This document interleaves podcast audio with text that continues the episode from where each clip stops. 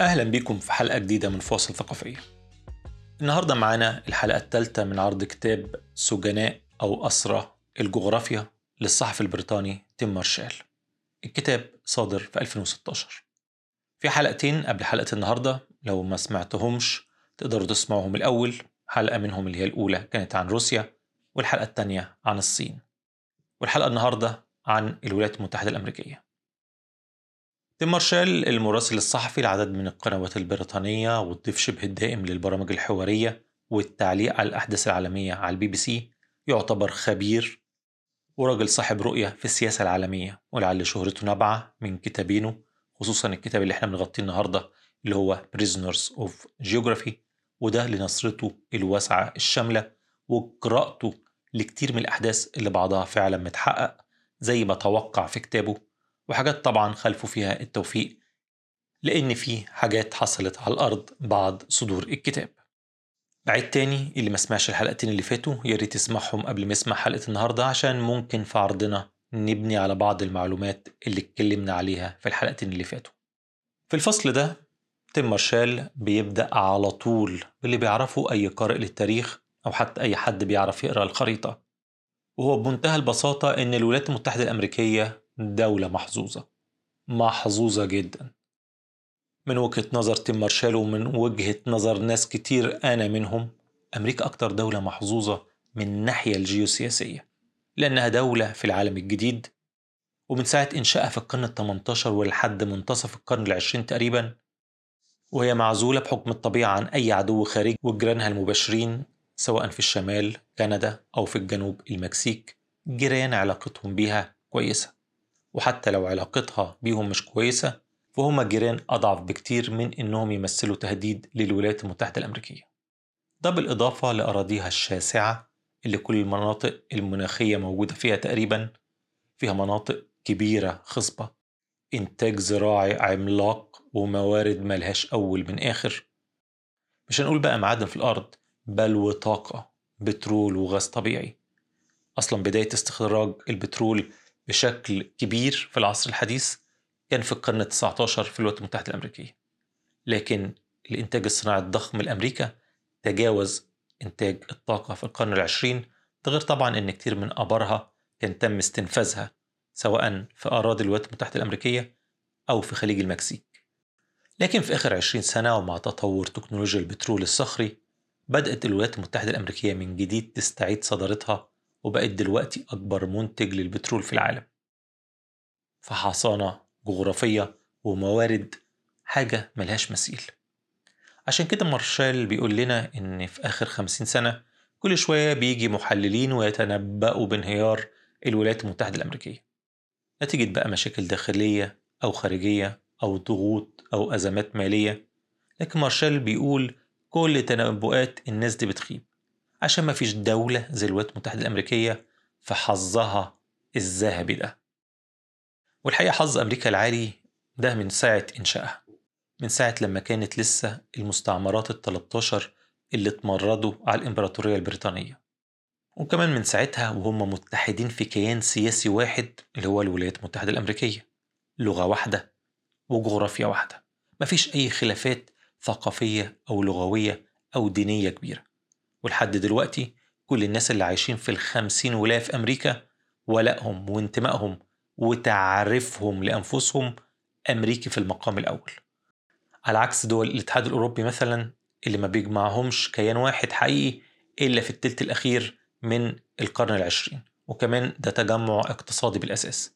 والتجمع ده بين شعوب مش بس مختلفين في اللغات والعادات والتقاليد والتراث بل وفي عداوات دفينة تاريخية ما بينهم تمنع إن يحصل نوع من الانصهار والوحدة الحقيقية. المهم سريعا بيدخل مارشال كعادته في كل فصل ويفصص لنا جغرافية الولايات المتحدة الأمريكية وبيقسمها لنا لثلاث مناطق من الشرق للغرب. الجزء الشرقي وهو اللي كان فيه ال 13 مستعمرة الأولانية هو الساحل الشرقي للولايات المتحدة الأمريكية وده بيمتد من المحيط الأطلنطي وصولا لجبال أبلاشيا وده من ساعة المستعمرين البريطانيين ما وصلوا والإمبراطورية البريطانية كانت حصراهم في المنطقة دي. أولا عشان تقدر تسيطر عليهم وكمان عشان تقدر تبعت رجالتها ياخدوا منهم الضرائب لكن باستقلال الولايات المتحدة الأمريكية بعد حرب استقلالها اللي كانت من 1776 ل 1783 بعديها الطريق انفتح قدام الأمريكان وبدأوا يستكشفوا المناطق اللي ما بعد جبال أبلاشيا. ودي كانت منطقة تحت السيطرة الفرنسية اللي هي منطقة حوض المسيسيبي والمنطقة دي منطقة غنية جدا وفيها شبكة نقل نهري هي الأفضل في العالم بتربط الشمال بالجنوب. وأخيرا النهر العملاق اللي هو المسيسيبي ده بيصب عند مدينة نيو أورليانز اللي كانوا الفرنسيين عاملينها في الوقت ده. لكن تحت ضغوط الحروب النابليونية في أوروبا في الوقت ده نابليون بونابرت باع المنطقة دي كلها للدولة الناشئة الصغيرة دي اللي اسمها الولايات المتحدة الأمريكية. والصفقة دي بتعرف تاريخيا بال Louisiana Purchase. باعها لهم نابليون بونابرت يا دوبك ب 15 مليون دولار. وبين ليلة وضحاها في 1803 الولايات المتحدة الأمريكية مساحتها اتضاعفت. المهم بعد حوض المسيسيبي والسهل الضخم في وسط أمريكا هنلاقي غربا جبال الروكيز والمنطقة ما بين جبال الروكيز والمحيط الهادي هي ما يعرف بالساحل الغربي. لو هناخد تمدد أمريكا تاريخيا فممكن نبدأ الأول زي ما قلنا بالمستعمرات ال 13 اللي استقلوا في 1783 ودول الساحل الشرقي زي ما قلنا وبعد كده حوض المسيسيبي اللي خدوه من الفرنسيين في 1803 وبعد كده استحوذت أمريكا على فلوريدا وده بالتفاهم مع أسبانيا اللي كانت لسه محتلية جزء كبير من أمريكا الجنوبية والمكسيك. حصل اتفاق ما بين الأمريكان والأسبان في 1819 أسبانيا تخلت طواعية عن فلوريدا وتم الاتفاق أن يكون الحدود بين أمريكا والمستعمرات الأسبانية هو خط العرض 42 بعد استقلال المكسيك في 1821 قدرت أمريكا عبر الحيل والخداع إنها تبعت كتير من المستعمرين البروتستانت المتحدثين بالإنجليزية لمنطقة تكساس. وبعد كده تم تحريضهم على الاستقلال وبعد كده تكساس انضمت لأمريكا وبعد كده حصلت الحرب مع المكسيك في 1846 وساعتها تمددت الولايات المتحدة الأمريكية لحد المحيط الهادي وبقت في شكلها الحالي اللي إحنا نعرفه. بعد كده حصل زيادة في عدد المهاجرين من أوروبا للولايات المتحدة الأمريكية وده حصل لكذا سبب. أولا كان في في كاليفورنيا في 1848 عدد من الحملات لاستكشاف الذهب عشان قالوا إن هناك. وبعد كده كان في قانون هومستيد سنة 1862 وده كان بيمنح أي مهاجر 160 فدان مقابل إن هو يزرعها. وده أدى لهجرة كتير من المزارعين الأوروبيين. قالوا لك بدل ما نروح أمريكا الجنوبية ونبقى مجرد عبيد هناك لا ده إحنا نروح أمريكا ونبقى أصحاب أراضي. والتمدد اللي حصل بعد كده لأمريكا كان عبر شراء ألاسكا من الإمبراطورية الروسية سنة 1867 مقابل 7.2 من عشرة مليون دولار. كان ساعتها يعني الفدان بحوالي 2 سنت. وساعتها الساسة في أمريكا اتريقوا على وزير الخارجية اللي عمل الصفقة دي اللي كان اسمه سيورت والشروة دي سموها Seward's Folly أو حماقة سيورد عشان الراجل اشترى لهم كومة من التلج. لكن ما فيش 20 30 سنة والكلام ده كله تراجعوا عنه بعد ما بدأت تبان ثروات ألاسكا سواء من ذهب ومعادن وطبعا في القرن العشرين بدأ التنقيب عن البترول هناك. بعد أمريكا ما حست نفسها أقوى بدأ تمددها يكبر وبقت تتحدى الدول الاستعمارية في محيطها. وكان أهم الدول الاستعمارية القديمة دي إسبانيا اللي كان لسه ليها مستعمرات في البحر الكاريبي. انتلعت الحرب ما بينهم في 1898 وسحقت أمريكا الجيش الإسباني وخدت من إسبانيا مستعمراتها في كوبا وبورتريكو في الكاريبي وكمان بعيد في الفلبين وجوام. وفي نفس الوقت تقريبا استحوذت برضو واحتلت مملكة هاواي الصغيرة اللي موجودة في المحيط الهادي. وبكده الولايات المتحدة الأمريكية توسعت شرقا وغربا. وبعد كده مولت افتتاح قناة بنما اللي سهل التجارة ما بين شرق القارة اللي هي قارة أمريكا الشمالية وغربها. وبالتالي برضو سهل التجارة ما بين الساحل الشرقي والساحل الغربي للولايات المتحدة الأمريكية. لكن برغم التمدد ده كله برضه كانت تعتبر الولايات المتحدة الأمريكية مجرد قوة إقليمية. يا دوبك أقصى طموحها هو اللي كانت تبنته في مبدأ مونرو اللي خرج من أمريكا بدري قوي في 1823 واللي الأمريكان قالوا فيه إن أمريكا تقف لأي قوة أوروبية تحاول تتدخل في الأمريكتين اللي كانت بتعتبرها زي حديقتها الخلفية. العالم كله كان متخيل إن ده هيكون مدى الطموح الأمريكي. ناهيك عن إنها ديمقراطية وفيها حساب على كل مليم بتدفعه الحكومة وأكيد مش هيصرف على جيش ضخم يكلف الميزانية. لكن التفكير والسياسة دي كلها اتغير مع الحرب العالمية التانية وهجوم اليابان على بيرل هاربر ودي كانت صدمة كبيرة للأمريكان. في سنوات قليلة الولايات المتحدة الأمريكية عملت أكبر جيش في العالم. وده طبعا أدى لتدمير الإمبراطورية اليابانية وهزيمة النازية في أوروبا. لكن بعد المرحلة دي أمريكا قالت لأ لازم يكون لي دايما جيش قوي جاهز على طول. وده وصلنا للحالة اللي إحنا فيها للتمدد الأمريكي عبر العالم ليها قواعد في كل حتة. البداية كانت اتفاقها مع بريطانيا سنة 1941 في الحرب العالمية الثانية قبل ما أمريكا تدخل الحرب. بريطانيا كانت محتاجة مدمرات بحرية والولايات المتحدة الأمريكية وافقت إنها تديها لها قصاد إنها تاخد القواعد البحرية في الأمريكتين. وبعد كده الولايات المتحدة الأمريكية لما بدأت تتمدد عبر العالم لقت إن موضوع القواعد البحرية ده شيء مهم جدا. وبالفعل بدأت تتمدد مع إنشاء الناتو في 1949 ومع خطة مارشال 1948 ل 1951 اللي أمريكا عملت فيها تمويل لإعادة إعمار أوروبا. بقت أمريكا قصاد مساهمتها في إعمار أوروبا تاخد لها قواعد في كل حتة. وبعد كده كمان في آسيا في اليابان وكوريا وبعد كده في أستراليا وبعد سنوات طويلة بعد حرب الخليج لتحرير الكويت في 91 بقى لها برضه قواعد في الخليج. فكل ده خلى القوات الأمريكية ليها تواجد في كل حتة في العالم تقريبا.